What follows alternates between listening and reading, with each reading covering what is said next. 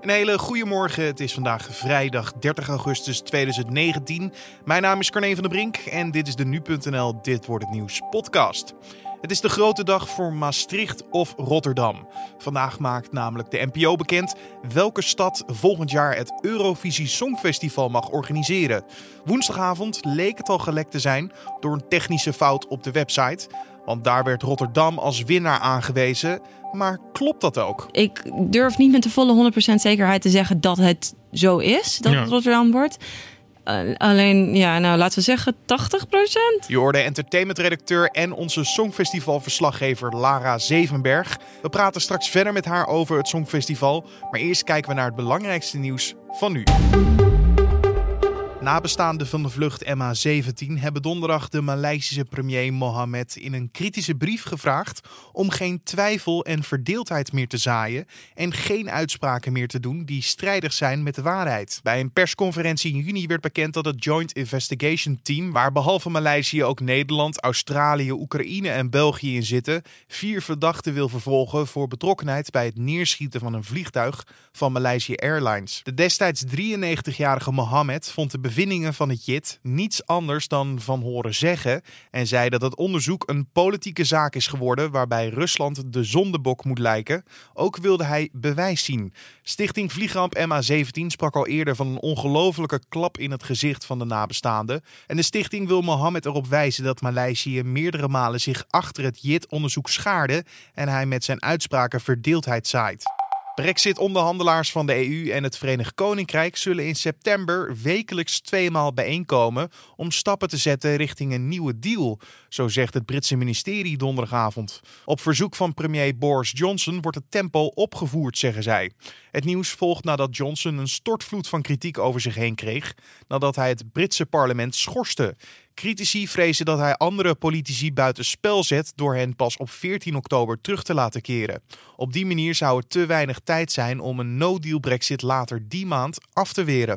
De NS gaat in gesprek met boze nakomelingen van verzetsmensen uit de Tweede Wereldoorlog. Zij hebben kritiek op het spoorbedrijf omdat zij geen financiële compensatie krijgen.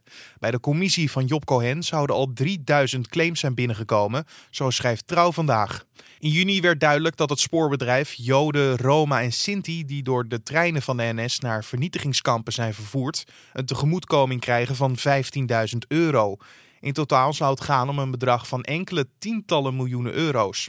Als de persoon in kwestie overleed voor of nadat hij in een concentratiekamp aankwam, heeft de weduwe of weduwenaar recht op 7500 euro. Familieleden van naar kampen vervoerde verzetsleden krijgen echter geen compensatie.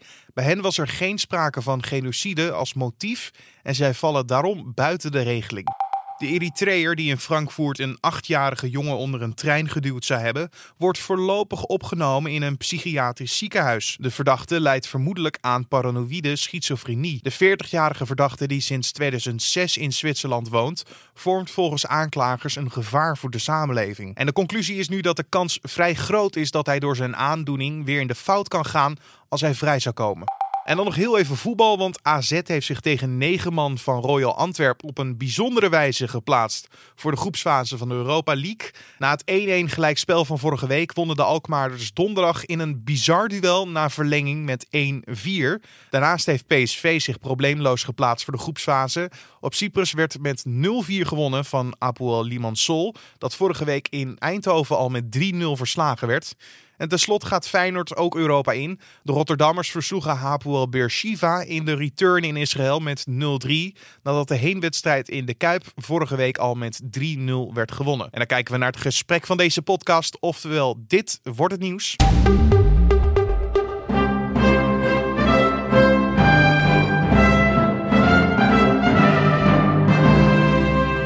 Ja, want om 12 uur vanmiddag wordt bekend in welke Nederlandse stad het Eurovisie Songfestival volgend jaar mei plaatsvindt. In Maastricht of Rotterdam. De NPO maakt het nieuws bekend in een korte tv-uitzending die even voor 12 begint op zowel NPO 1 als NPO 2. Nou, woensdagavond leek het er even op dat de uitslag door een technische fout al op straat lag. Want in de avond was tijdelijk een webpagina te zien waarop Rotterdam vermeld stond als de locatie van het Songfestival in 2020. En de vraag is, ja, was dit een stomme fout met een backup site? Of hebben ze het al verklapt? Dat vragen we aan entertainmentredacteur Lara Zevenberg. Ja, daar ging het heel goed mis. Ik, ja, de, de EBU, dus dat is de organisator, de Eurovision Broadcasting Union, die heeft het geprobeerd te spinnen.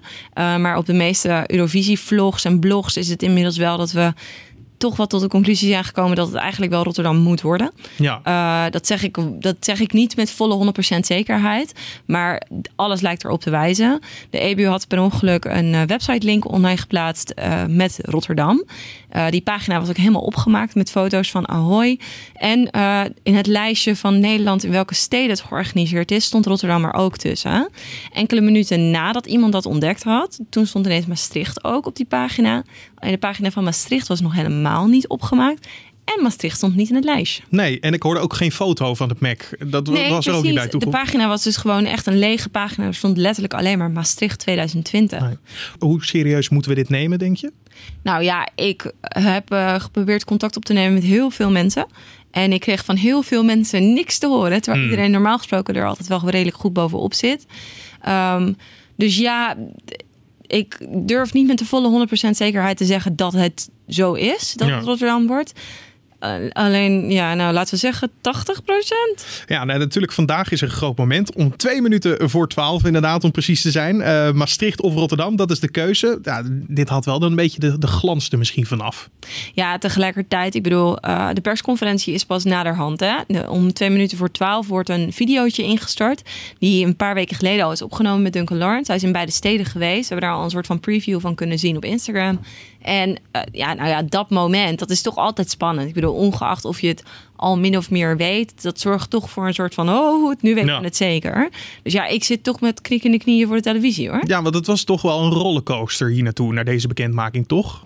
Nou ja, sowieso is het moment, vanaf het moment dat Duncan won, is het een rollercoaster. Ik bedoel, dat Nederland het organiseert, dat is bizar. Dat, dat hadden we van tevoren, hadden we dat niet zo durven hopen er komt gewoon ongelooflijk veel bij kijken. Ja, want wat voor criteria hebben de NPO en de EBU dan gegeven aan steden die mee wouden doen? Nou, in eerste instantie uh, werd er vooral gezegd van, nou ja, maak een bidboek. In dat bidboek moest er onder andere staan waar het georganiseerd werd.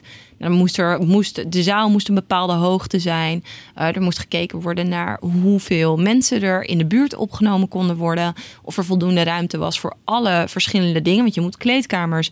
Je moet, want je moet dus niet alleen een podium. Nee. Je moet een kleedkamer, je moet pers kunnen ontvangen. Er moet eten en drinken zijn voor iedereen. Want dat is ook echt een belangrijk ding. Er lopen iedere dag een paar duizend mensen rond. Je moet goed kunnen, ervoor kunnen zorgen dat iedereen naar de plek kan, toe kan komen. Dus dat zijn allemaal eisen die ja, dat, dat zijn best wel veel eisen waar je aan moet voldoen. Ja, want ik weet bijvoorbeeld ook steden die niet het hebben gehaald. Zoals Amsterdam, die eigenlijk hebben gezegd we doen niet mee. Omdat ze volgens mij alleen de Ziggo Dome hadden. En de AFAS dan was weer geboekt. En de Johan Cruijff Arena was ook niet beschikbaar. Ja, dat is het zeg maar. Ja. Uh, de omgeving moet ook een bepaalde tijd uh, vrij zijn. Omdat er gewoon heel veel beveiligingsmaatregelen ook getroffen moeten worden. Het is natuurlijk een enorm evenement in Europa en eigenlijk in de hele wereld. Uh, dus daar zit gewoon heel veel verschillende aspecten aan waar je rekening mee moet houden. En als een agenda dan vol zit, dan is het moeilijk om daar weer ruimte in te vinden. Verschillende steden hebben natuurlijk zo'n uh, bidboek ingeleverd. Maar eigenlijk was al de blik gevestigd op Maastricht en Rotterdam. Onderschrijf jij ook een beetje dat die op het begin al de favorieten waren of zat het in, anders in elkaar? Nee, dat was wel, wel redelijk snel duidelijk. Ik bedoel, Arnhem die meldde zich ook. En in de Gelderdoom worden natuurlijk wel veel concerten gegeven.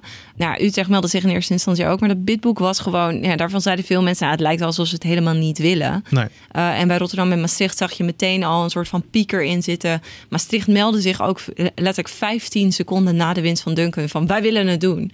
Dus ja, die zaten er wel al het meeste in. Ook een hele actieve campagne inderdaad van de burgemeester... die bij elke talkshow wel aanwezig was om te zeggen... We, we, moeten het gewoon in Maastricht doen. En dat is wel een groot verschil met Rotterdam. Want in Rotterdam treedt veel meer Ahoy... waar het georganiseerd zou worden naar voren. En veel minder de stad zelf. Abu Talib heeft zich er vrijwel niet over uitgesproken. Ik bedoel, wel wat dingen gezegd, maar hij is mhm. niet actief campagne gaan voeren.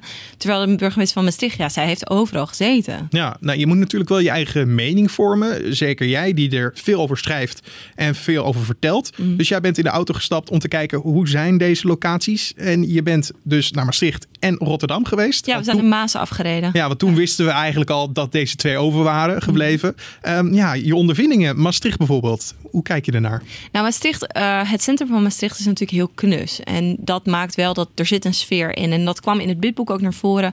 Ze hebben bedacht, ze hebben een x-aantal wijken. Die wijken kunnen allemaal gekoppeld worden aan verschillende Europese landen. Nou, daar zat een heel, hele gedachte achter.